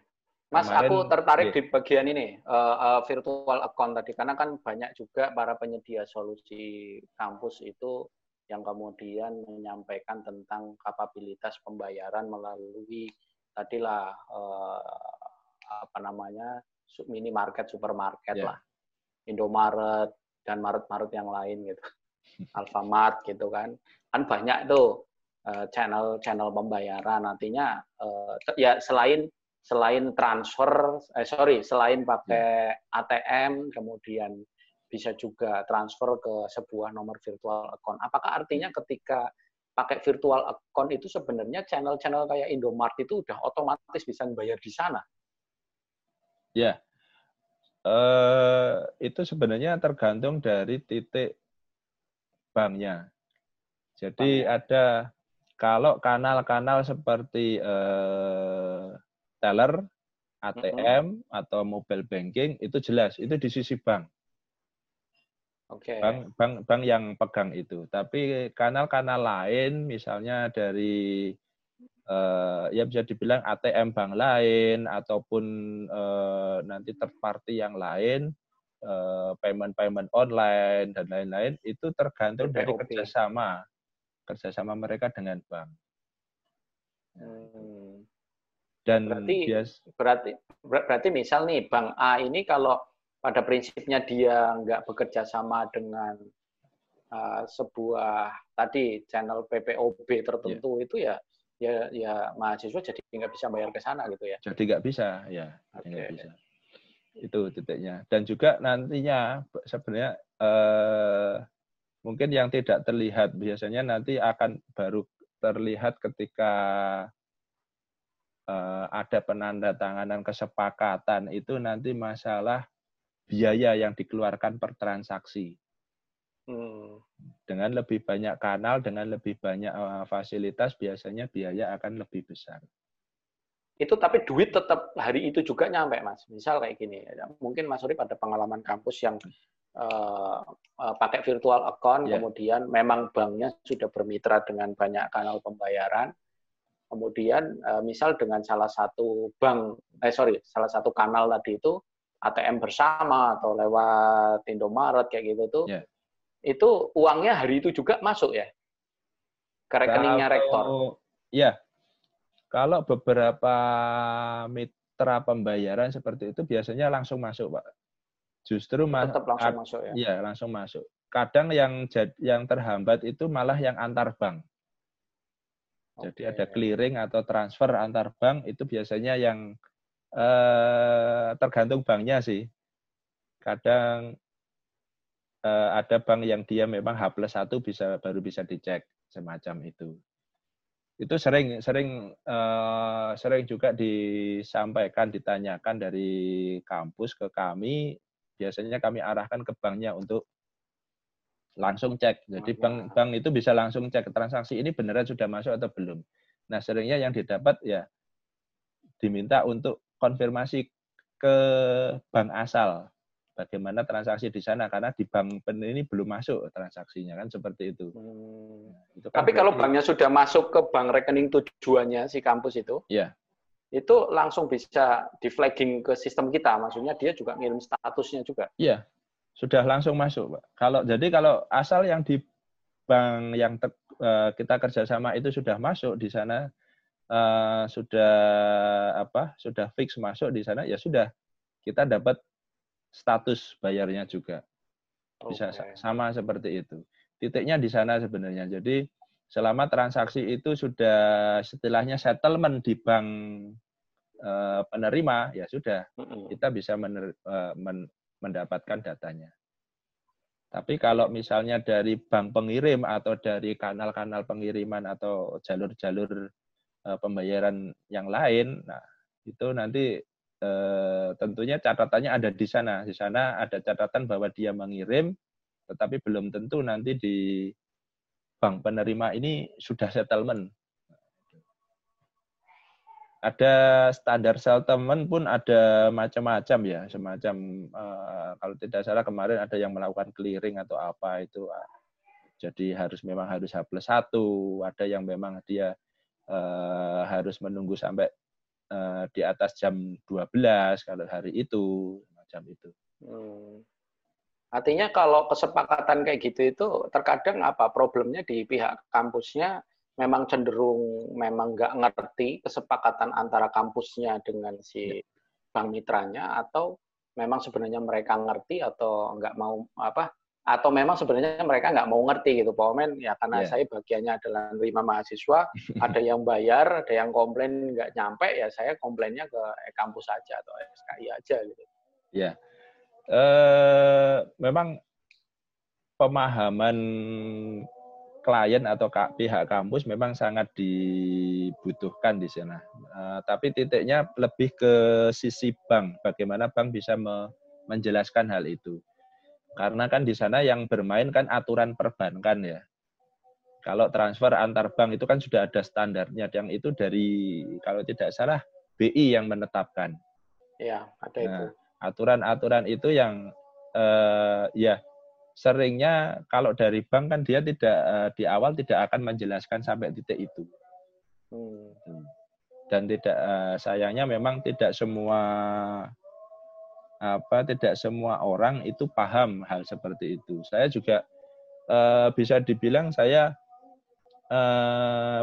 baca-baca tentang aturan bagaimana uh, antar bank itu bertransaksi itu juga setelah saya menggeluti aplikasi pembayaran dan harus bekerja sama dengan bank. Ya. Baru kita cari-cari informasi, uh, oh ternyata ada aturan DBI bahwa clearing antar bank itu ada aturannya segini, segini ada jamnya juga, settlementnya kapan, nah itu. Oke. Nah terkadang itu itu yang seharusnya pihak kampus juga belajar atau mempelajari mungkin apa ya MOU atau kesepakatan kampus mereka dengan bank mitra mereka toh nggak ujuk-ujuk yeah. Kemudian mengkambing hitamkan wiki kok sing transfer seko kono tekan-tekan Mas yeah. nah, artinya iki bocah wis arep KRS yo salah dhewe Bu yeah. transfer seko bank kae duit wae diakui oleh pihak banknya si kampus kan baru besok misal. Iya. Ya, berarti KRS-nya nggak bisa hari ini dong. Kalau mau KRS hari ini bayarnya ya langsung ke banknya mitranya si kampus, jangan transfer lewat atau dari bank lain atau yeah. ATM bersama. Yeah. Nah itu mungkin nanti suatu saat juga itu jadi pembelajaran kita juga sih mas di kampus. Aku pikir uh, nanti teman-teman di entah di uh, apa namanya uh, AM maupun kita di sisi legalitas gitu supaya yeah. ya tadi mengatur ya karena kan saya perhatikan uh, ya kadang saya juga karena nggak tahu teknisnya ini juga jadi dapat pencerahan dari Mas Urip oh ternyata ya memang ada aturannya dan kita sendiri mungkin juga nggak nggak menyampaikan itu gitu ya bukan yeah. salah kita juga sih artinya itu memang pihak bank dengan pihak kampus yang harusnya juga ada kesepakatan tapi ini jadi satu poin penting yang bisa jadi bahan juga kita uh, mengedukasi uh, pelanggan-pelanggan kita gitu ya yeah. oke okay. terus ini mas apa namanya kalau kita bicara tadi banyak tentang apa namanya kenapa sih uh, ya sering terjadi gesek bukan sering sih tapi anomali orang transfer yeah. statusnya nggak nyampe kemudian teriak gitu ini kok yeah. nggak sampai statusnya nah biasanya kasus-kasus yang terjadi kan kayak tadi kemudian ada nggak sih kemudian yang perlu kampus siapkan gitu supaya supaya kayak tadi itu nggak terjadi ya kita seolah-olah kayak memberikan masukan saja sih ke pihak kampus yeah. ya selek bahasa generalnya yang aku paham ya Anda harus selektif lah memilih bank mitra walaupun yeah. itu sudah bank mitra turunan gitu dari iya, masa yeah. ke masa tapi nggak ada salahnya kampus sepertinya itu untuk memastikan bang iki sanggup ora gini aku koyo ngene. Apa Ya. poin-poin besarnya Mas? Besarnya yang bisa kita uh, highlight gitu untuk untuk untuk kampus itu bisa punya pegangan lah yang nantinya mendengarkan uh, diskusi kita ini. Ya. Eh eh, apa ya? Yang biasanya itu eh, yang jelas kampus kan akan but, eh, butuh jawaban segera ketika ada suatu masalah pembayaran. Nah, eh, perlu kejelasan siapa yang akan melayani itu Oke. biasanya dengan bank. Nah, bank sendiri biasanya kan itu eh, via ada market eh, apa istilahnya marketing yang ada di cabang ya. Biasanya kan yang pelayanan itu adalah cabang. Sedangkan data-data kalau sudah menyangkut eh, integrasi host to host entah virtual ataupun virtual account, data itu yang fix itu yang ada di pusat. Nah, ini ini satu titik yang bisa dibilang kalau eh, kalau kita boleh boleh sampaikan ke pihak bank itu, tolong hal itu bisa di apa ya bisa di cut eh, informasinya. Jadi dipastikan bahwa siapa yang melayani kampus itu tidak perlu melalui pihak cabang yang dia belum tentu tahu atau eh, pihak cabang yang belum tentu dia bisa melakukan pengecekan langsung. Nah itu itu memang akan nanti tergantung dari banknya. Kita sudah punya pengalaman beberapa bank. Ada juga yang memang me, apa sampai menyediakan semacam eh, grup. Ya, ada semacam di setiap kampus yang ter, eh, yang bekerja sama selalu dibuatkan grup. Yang di dalam grup itu sudah ada eh, customer supportnya Hmm. Tiap kampus itu customer supportnya tiap hari 24 jam itu standby. Setiap ada pertanyaan, gitu ya. iya ada helpdesk-nya. Setiap ada pertanyaan mengenai suatu tagihan atau pembayaran, dia bisa langsung cek ke sistem dan dia bisa dalam waktu beberapa saat dia bisa memberikan jawaban. Oke. Itu kadang kalau eh, apa untuk bank lain yang masih mengandalkan sisi eh, cabangnya untuk melakukan pelayanan itu Berat eh, ya? akan lama, akan lama Susah. lama mendapatkan jawaban.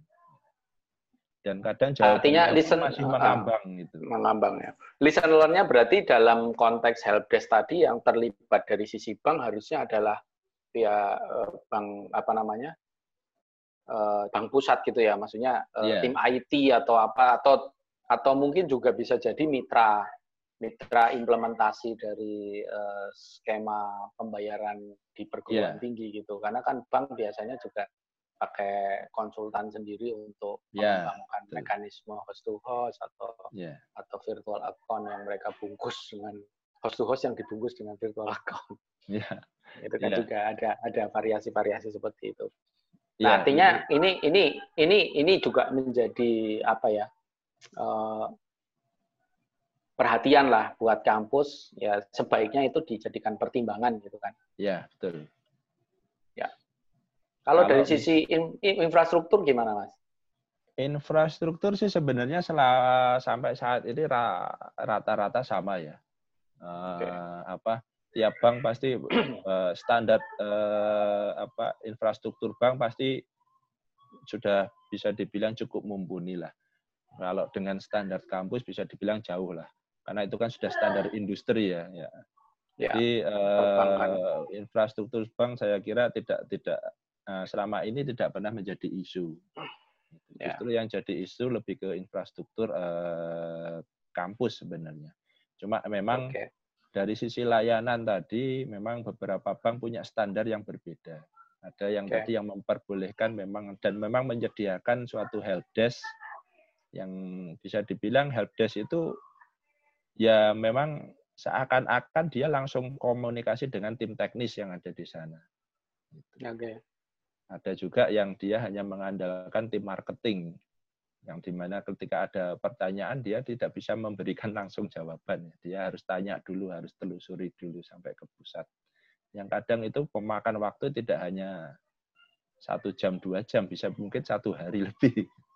Nah, itu. Ya. Oke, oke. Oke. Ya tadi memang uh, menarik sekali kalau kalau apa namanya uh, pihak bank sebenarnya uh, mau cukup terbuka, kemudian dari pihak kampus juga kemudian mengimbangi dengan mereka juga terbuka sebenarnya harapannya kepada bank mitra mereka itu apa karena kan sering kali juga kita menemui forum-forum uh, yang uh, apa ya forum-forum uh, bahasa basi gitu ya maksudnya uh, karena ketika kita kita kan yang menjalani implementasi itu iya. sering kali melihat apa yang kemudian ada dijanjikan di meja rapat itu yeah. itu tidak terjadi dalam dalam ruangan WA group itu ya. Yeah, yang kadang responnya juga ya kurang kurang responsif, kurang bisa apa namanya dipahami oleh pihak uh, pelanggan kita istilahnya kampus karena mereka juga pasti ada beberapa yang sangat berharap pihak bank mitranya mereka juga punya uh, level responsibility yang yang yang tinggi gitu. Ya, betul. Ya. Oke, kemudian ini Mas, uh, mungkin beberapa hal lagi terkait dengan uh, gini, kalau dunia pembayaran mahasiswa ini kan dari zaman kita kuliah pun itu kayaknya sudah dengan bank itu adalah, tapi kita memang yeah. harus datang ke banknya, ya bahasanya kanal teller gitu, jadi datang yeah. nyebut name, kemudian oh ya tagihannya sekian gitu. Nah ini kan kalau kita melihat era sekarang ini kan kayaknya sudah old school gitu ya. Yeah. Itu kayaknya zaman kolonial gitu kalau kita kita kan sudah di dunia milenial itu kayaknya sudah agak aneh gitu kalau orang bayar sekolah aja harus datang ke loket gitu. Anak SD aja sekarang sudah pakai VA gitu sesuai yeah. dengan NIM, nama sekolah, bayar aja lewat bank mitra mereka gitu. Ya, kemudian apa sih eh, yang kemudian kampus harus pahami tentang keberadaan e pembayaran mahasiswa? Artinya kenapa harus pakai sistem gitu? Artinya kalau eh, pakai manual terus ya, ya. apa yang menjadi konsekuensi kemudian. Karena itu juga yang akan mendorong mendorong kampus harusnya sudah menggunakan sistem gitu tidak ya. lagi datang itu 2000 berapa ya saya ke Sumatera Utara waktu itu ada kampus swasta itu panjang orang ngantri bayar Antri, itu ternyata iya bayar itu datang bawa kepoan coba yeah. kemudian pakai screening uang palsu itu wah yeah. dan yang ngantri sudah segitu banyak orang kan sudah gemeter eh, keringetan dulu gitu kadang screeningnya jadi bisa gesek disisipi uang-uang palsu kan jadi memungkinkan. Yeah. Nah itu salah satu yang tak bayangkan sih kenapa kampus hari ini harus memakai sistem ya sebenarnya karena seperti itu. Mungkin ada yang lain nggak, Mas? Kenapa ya. kampus harus pakai sistem itu? Ya, uh, yang utama memang itu, Pak. Jadi uh, kalau untuk masa sekarang memang di sisi kemudahan user atau mahasiswa dalam melakukan pembayaran. Uh, mahasiswa bisa leluasa bisa memilih banyak kanal yang disediakan oleh bank. Itu itu tidak perlu harus datang ke kampus, harus mengantri di teller macam itu. Untuk saat ini bahkan banyak yang ketika antri itu sama, oleh kampus disarankan silahkan ke ATM ATM saja cari ATM bank ini di mana ya. saja bisa dilakukan di sana. Nah, itu dari sisi mahasiswa. Dari sisi kampus yang jelas eh, kemudahan mereka mengenerate atau mendapatkan laporan, melihat eh, perkembangan eh, dengan tersistemnya eh, pembayaran dan juga terintegrasinya data-data pembayaran itu eh, kampus akan lebih mudah memantau eh, aliran dananya. Dan juga yang jelas aliran dana itu tidak akan eh, banyak kebocoran. Jadi eh, bisa dibilang ini mengurangi titik-titik eh, kebocoran dana dari suatu kampus, eh, baik itu kebocoran yang disengaja maupun karena kesalahan manusia kan seperti itu. Walaupun tidak dapat dipungkiri, eh, saya masih masih menemui di beberapa kampus daerah yang yang hal-hal seperti itu masih masih apa ya masih jadi semacam tradisi yang susah dihilangkan jadi kalau uh, ada kampus yang juga bilang bahwa mahasiswanya itu nanti uh, apa karena mas apa kultur petani ya jadi nanti bayarannya itu ya nanti kalau uh, orang tuanya sudah panen dan itu langsung uang itu langsung dibawa ke kampus jadi uang hasil panen gitu ya. yang itu biasanya kan uang hasil panen itu kan pasti dibayar cash. Nah, cash itu langsung dibawa ke kampus. Ya mau tidak mau kampus akan menerima. Nah, ada juga yang masih seperti itu. Nah, ya eh, cash-cash itu tetap ada. Eh, tapi bisa dibilang Nah, teknologi yang ada sekarang ini termasuk jika kampus menggunakan aplikasi untuk melakukan integrasi pembayaran dengan bank dan juga dengan sebenarnya bisa dengan tidak hanya dengan bank ya, tapi dengan juga uh, semua payment point ataupun teknologi-teknologi pembayaran yang sekarang banyak ditawarkan itu uh, sebenarnya terbuka banyak kemungkinan untuk dilakukan dari sana. Ya. Uh, itu itu akan sangat membantu kampus dalam um, memperluas memperluas cakupan mahasiswanya. Mahasiswa bisa bayar dari mana saja. Apalagi kalau lihat anak-anak sekarang, kalau bisa bayar online itu kayaknya lebih keren seperti itu. Iya, iya. kalau bisa belanja online itu lebih keren daripada belanja langsung ke pasar. nah itu. Jadi kampusnya jadi terlihat lebih keren. Kalau eh, bisa kampus itu bisa menawarkan lebih banyak kanal itu kampusnya jadi kayaknya lebih keren gitu kalau di sisi mahasiswa seperti itu. Nah, eh, ya itu sisi teknologi ada dua sisi tadi ya. Jadi bisa bermanfaat bagi mahasiswa dan juga bagi kampusnya tentunya eh, kap atau lapor keuangan itu akan lebih cepat diperoleh dan akan lebih valid.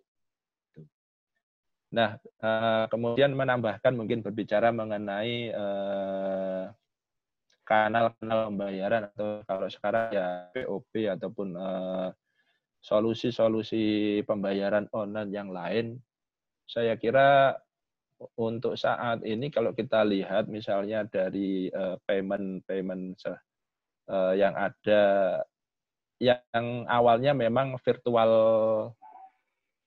uh, apa uang virtual kita mungkin akan dibatasi ya.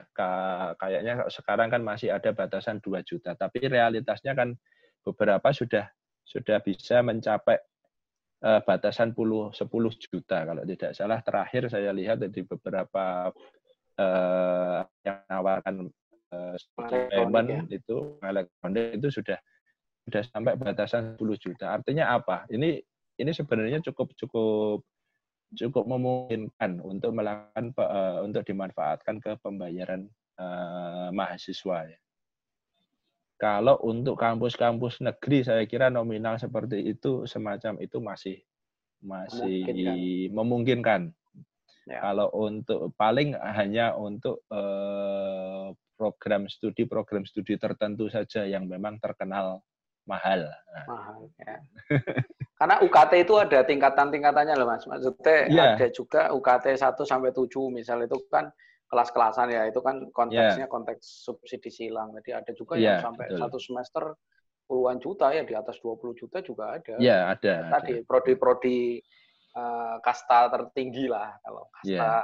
menengah ya mungkin masih di bawah 10 juta.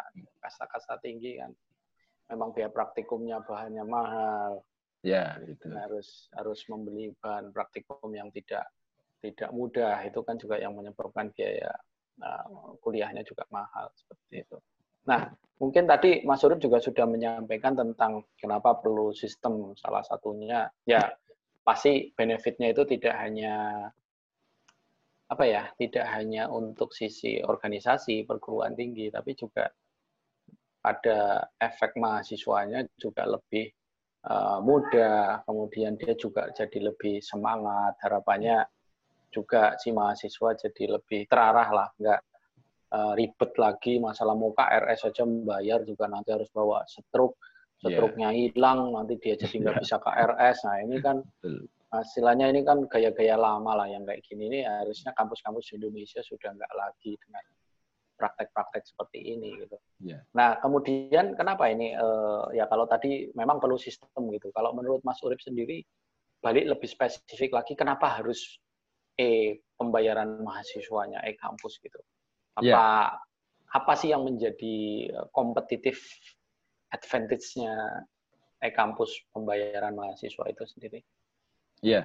Uh, yang jelas aplikasi e-pembayaran kami, aplikasi pembayaran e-kampus itu sudah tadi saya sebelumnya sudah saya sampaikan bahwa kita support uh, berbagai macam variasi tarif, baik itu yang bersifat per periode maupun yang perangkatan.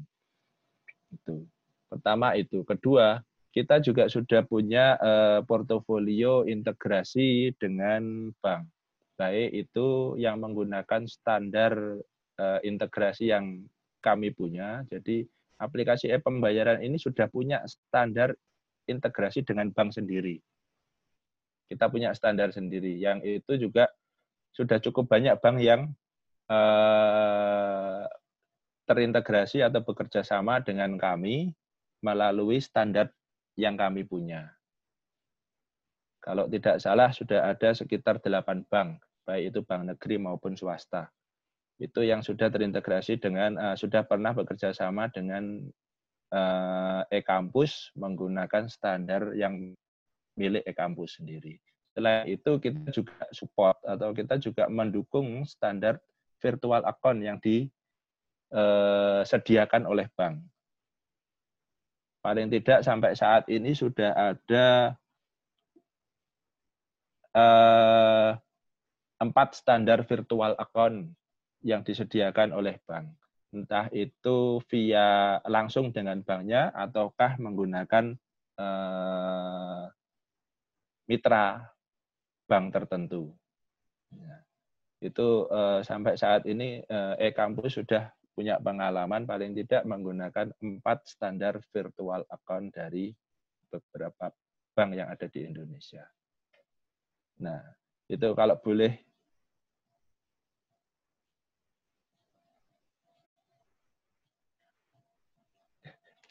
mic-nya Pak Nanang. Komiknya orang walah. ya.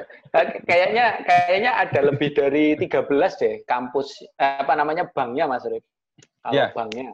Kalau banknya ya. variasi ya. ya variasi total baik yang itu host to host, kita ada beberapa macam ya ada yang host to host, ada yang okay. host to host dengan oh, standar ya. e-kampus, ada yang virtual account, ada juga yang uh, integrasinya kita pernah lakukan juga dengan yang uh, koneksi database langsung. Oh, okay. Ada juga yang kita ke kerjasama dengan sistem share database ada juga. Hmm. Jadi ada beberapa sebenarnya ada beberapa standar yang kita pernah kita implementasikan kaitannya terintegrasi dengan bank. Tapi paling tidak yang jadi yang sampai saat ini memang kita sarankan eh, karena e-kampus sendiri punya standar yang itu berarti bahwa dengan menggunakan standar yang e-kampus punya itu bisa terkoneksi lebih dari satu bank.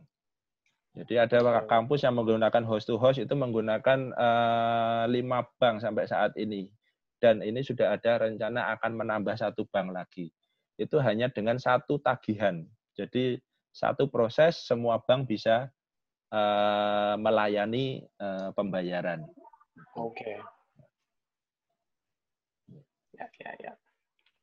Ya, tadi menarik sekali. Jadi uh, kenapa kenapa e pembayarannya e kampus ya salah salah tiganya yang tak catat itu tentang variasi tadi ya tarif ya. Yeah. Ini variasi tarif ini kan juga jadi pain juga jadi uh, istilahnya uh, bidding lah kampus itu kalau mau apa namanya uh, bermanuver karena kampus swasta biasanya memang uh, quote and quote bermain di sisi tarif gitu. Yeah. Di sisi pemasaran ini kan jadi daya tarik yang spesifik. Kalau di kampus negeri kan mungkin ada harus izin sana, izin sini, harus ditetapkan yeah. dulu itu kan repot. Kalau swasta itu mungkin lebih fleksibel dan ini kan juga sangat tergantung dari aplikasinya juga. Nanti kalau Yeah. aplikasinya nggak bisa di custom, nggak bisa disesuaikan, ya mati kutu juga seperti itu. Yeah.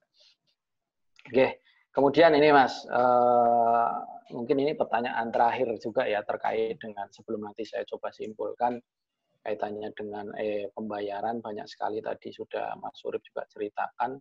Apa sih yang kemudian ini mungkin bisa jadi karena diskusi kita ini tidak hanya di, diperuntukkan bagi bagi calon pelanggan kita atau pelanggan kita atau orang yang yang lagi menjajaki solusi-solusi e-kampus, tapi juga buat kita di internal, artinya uh, supaya ini juga menjadi apa ya uh, cerita yang menarik tentang tim yang uh, Mas Urip lead selama ini uh, dalam menggeluti dunia pembayaran mahasiswa gitu. Apa sih suka bukan suka dukanya ya? Mungkin lebih pada uh, tantangannya gitu.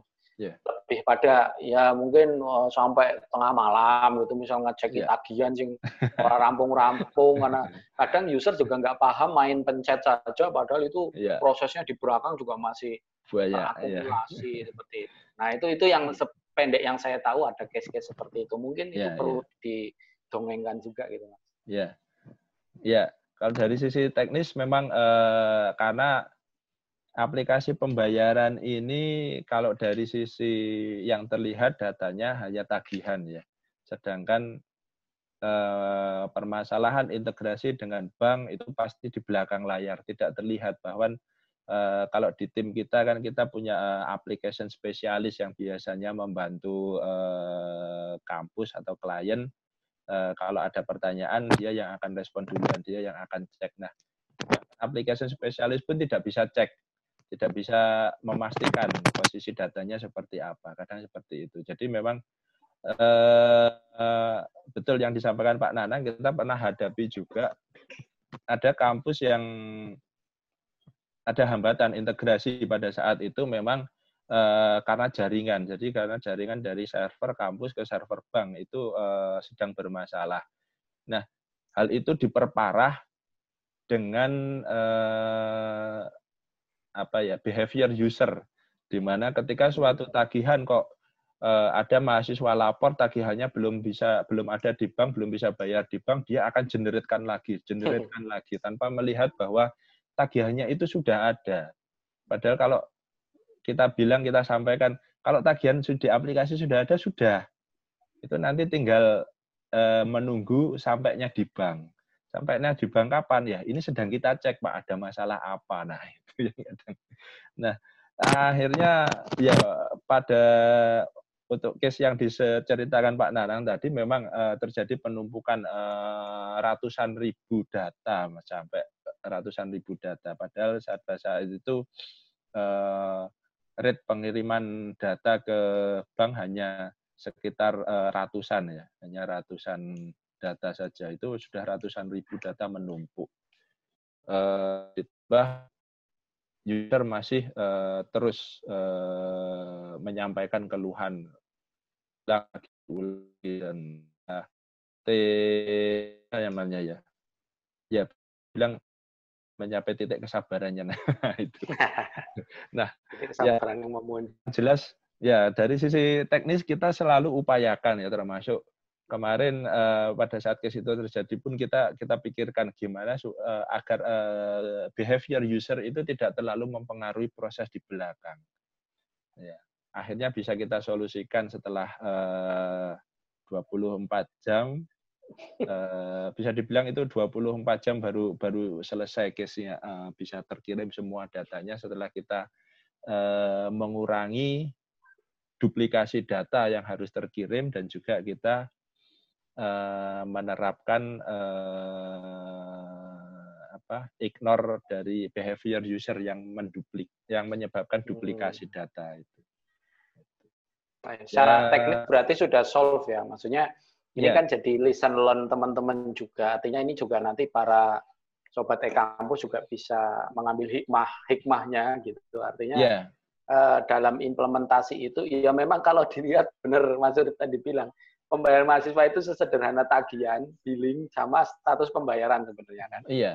Yeah. Tapi di belakangnya ini kan yang kadang ini tidak menjadi concern teman-teman kampus, baik uh, para pejabatnya, operatornya, maupun pihak bank sendiri gitu.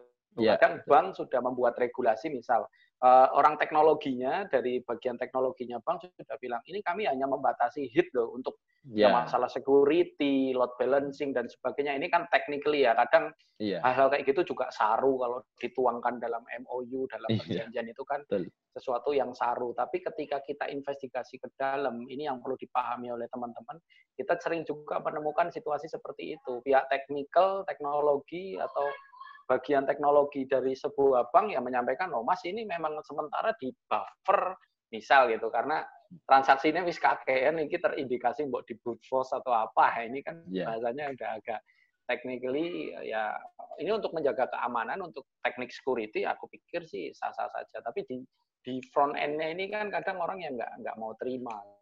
Oh tagihan itu tak generate bahkan yeah. bola bali kok ya orang orang mlebu iki padha ning endi ya oh, yeah, oh, jadi pencet gitu maksudnya ya tapi itu kan secara teknologi kita secara e solusi e pembayaran sendiri sudah solve ya mas ya sudah nggak ada yeah. masalah lah yeah. oke okay. baik mas Urip ini sudah hampir satu setengah jam wah lebih dikit nih tadi kita kayaknya mulai 14 lebih dikit gitu yeah. oke okay lah ini diskusi yang menarik mungkin nanti somehow juga kita bisa lanjut lagi di diskusi yang sama atau mungkin pas bahas uh, akademik kemudian ya, nyenggol-nyenggol ke pembayaran juga memungkinkan. Gitu. Pasti nyenggol. Aku pasti nyenggol karena no, urusannya ke pembayaran. Ini saya menyimpulkan sedikit catatan-catatan yang saya buat kaitannya dengan solusi pembayaran. Artinya tadi kalau bicara apa namanya sukses faktor ya, maksudnya ya setiap implementasi kemudian setiap pengembangan uh, mungkin mindset antara user dengan kita sendiri juga ada gap. Ini yang perlu menjadi konsiderasi sebenarnya kaitannya dengan kejelasan skema atau aturan di sisi uh, tarif ataupun eh, jenis-jenis uh, biaya yang kemudian ditetapkan oleh pihak kampus. Ini relatif akan banyak membantu mempermudah atau ya mengurangi lah setidaknya problem-problem implementasi nantinya. Yang kedua mungkin tentang uh, fleksibilitas. Ya, ini kan kadang apa ya semakin variatif tapi ya ini tidak bisa dihindari sebenarnya kalau di ya. kampus-kampus swasta, swasta itu competitive advantage mereka kalau dari sisi mereka bersaing antar kampusnya ya di sisi itu sebenarnya. Yeah. Nah tapi yang penting adalah ini ada kejelasan dan ada kesepakatan antar para pihak antara operator dengan para pengambil keputusannya di sisi mereka. Hmm. Jadi tidak selalu konsultan jadi kambing hitam kan seperti ya, itu. Kemudian yang ketiga juga tentang uh, fokus operator gitu. Saya pikir tadi saya mau nyinggung masalah SK Mas Urip. Kemarin juga sempat di diskusi saya sebelumnya dengan Mbak Diah itu juga tentang SK gitu. Karena ya. kadang di dunia eh, korporasi kita kan kalau di swasta kayak kita kan kayaknya SK ya cuma siji SK pegawai gitu. Gawean pokoknya nek iso digawe ya kudu digarap gitu aja. Ora perlu SK SK tambahan. Kecuali memang ada hal-hal yang diwajibkan oleh regulator. Saya pikir ya. ini perbedaannya di sisi apa namanya uh, manajemen korporasi dengan manajemen government gitu. Nah, aku pikir nanti urusan SK saya pikir ini cukup common ya. Mungkin ya. tadi Mas Surip juga hanya selip aja mungkin belum belum menyampaikan tentang kalau operator mau fokus ya harus ada SK yang fokus gitu. Coba operator iya. ngurusi aset, yo ya ngurusi masalah pembayaran juga. Ini kan. Iya kalau untuk PT pasti itu. Ah itu itu yang jadi masalah sebenarnya. Ya. Jadi masalahnya itu buat kita nanti kita yang jadi loh iki operator opo ngelola ya. opo. Mas saya ditugasi ini ya, ya jangan kayak gitu aja. Kita kita sama-sama teman-teman mungkin uh, teman-teman yang mendengarkan diskusi ini juga nanti bisa saling mengingatkan gitu mengingatkan bahwa pentingnya uh, kepastian antara fokus pekerjaan, supporting di sisi kampus juga perlu diperhatikan. Dan yang terakhir mungkin uh, sukses faktornya tentang uh, ya tadi kerjasama antara tim teknis dengan sama-sama tim teknis di kampus maupun di bank juga bisa terjalin dengan baik seperti itu. Kemudian di apa namanya tadi ya uh, apa sih yang menjadi eh, apa namanya eh, pembeda tadi mungkin cepat saja mungkin kaitannya dengan uh, solusi eh, pembayaran sendiri ya tadi Mas Surip sudah sangat banyak menyampaikan terkait dengan kapabilitasnya, variasi tarif, kemudian standar integrasi dengan bank. Saya malah baru tahu kalau yang standarnya kita buat itu sudah ke delapan bank. Terakhir saya tahunya itu baru dua atau berapa ya. Berarti ini banyak hal baru. Kemudian juga uh, support virtual account-nya juga sudah empat standar bank karena ternyata VA ini kan juga beda-beda digitnya mungkin sama ya 16 ya sama. salah ya. ya. 16 cuma aturan-aturan apa ininya kodifikasi dan ininya juga berbeda. Seperti itu. Kemudian eh, apa sih yang kemudian perlu uh, dipersiapkan gitu bagi uh, kampus yang akan mengimplementasikan sistem dalam bisnis proses pembayaran mahasiswa tentunya ya ya pihak bank yang yang apa ya yang kooperatif, yang eh, kredibel, kemudian yang benar-benar ini sudah melalui proses seleksi yang tenanan gitu, yang beneran, sehingga juga nanti ketika implementasi tidak banyak mengalami kendala. Dan yang berikutnya adalah helpdesk. Ya ini helpdesk dari Bank Mitra ini juga sangat penting karena saya pikir eh, diskusinya tidak hanya menarik di ruang rapat gitu. Saya pikir karena saya beberapa kali juga ikut dulu lah ya, hmm. meeting-meeting sebelum 2013 lah. Yeah. Itu meeting-meeting dengan bank itu manis sekali yeah. ya. Maksudnya kita juga pengen di masa implementasi itu juga semanis ketika apa namanya diskusi di ruang rapat seperti itu. Karena ini akan jadi track record bareng gitu baik bagi e-kampus sendiri SKI yang sudah ya melalang buana di kampus dari 2003 saya pikir uh, nggak ada cerita lagi gitu bermanis-manis ya. saja karena kita juga sudah tahu beberapa catatan-catatan yang ketika diimplementasi ini juga faktornya banyak uh, banyak tergantung dari mitra-mitra bank yang ada di kampus gitu. Nah ini ya kita kami dari e-kampus sendiri juga pasti berusaha lah untuk memberikan services terbaik sesuai dengan kapabilitas dan kapasitas. Jadi kapabilitas ya pasti ada ada ada banyak ada ujungnya, ada ada batasnya.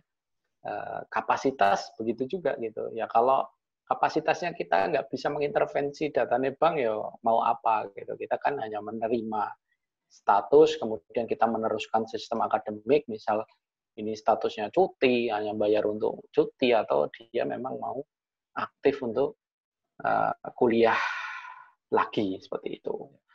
Oke, mungkin itu Mas Urip. Banyak sekali yang bisa kita diskusikan hampir satu setengah jam lebih sedikit ini rekor karena ya mungkin tadi uh, asik sekali ya. Saya sendiri juga banyak hal yang saya merasa di upgrade pengetahuannya selain uh, dulu saya juga di teknis juga tidak terlalu banyak lah. Di pembayaran kan uh, ya dikit-dikit lah tipis-tipis tapi saya tidak banyak mendalami tentang teknologinya. Tapi mungkin ini menjadi apa ya sebuah bahan yang sangat penting buat pelanggan e-kampus maupun buat calon pelanggan e-kampus, buat tim e-kampus sendiri, termasuk saya, saya juga belajar nanti video ini, rekaman ini akan di-share Mas Urip. Ya, mudah-mudahan bisa jadi amal jariah Mas Urip. Amin. Kalau saya ya memoderasi saja, memancing-mancing supaya keluar semua pengetahuannya. Ya karena ya kalau nggak ada diskusi kayak gini ya ya selamanya ada di Mas Urip gitu pengetahuannya. saya juga nggak bahkan saya nggak ngerti gitu. Justru ini ketika di-share ke teman-teman yang lain supaya teman-teman yang lain bisa mengulang-ulang kemudian nanti bisa memberitahu kalau memang ada pelanggan yang apa namanya uh, tidak berkesempatan mendengarkan diskusi kita ini. Oke, terima kasih sekali Mas Surip. Sama-sama, Pak. Sore ini sudah meluangkan waktu. Salam buat keluarga. Terima kasih atas waktunya. Maaf, Nek, aku banyak guyon juga. Terima kasih buat teman-teman e-kampus nanti yang mendengarkan. Mohon maaf kalau ada banyak guyonannya. Terima kasih Mas Surip. Saya iya. tutup ya. Yeah. mudah-mudahan bermanfaat buat uh, kita semua. Bila taufik walidayah. Assalamualaikum warahmatullahi wabarakatuh. Waalaikumsalam warahmatullahi wabarakatuh. Okay.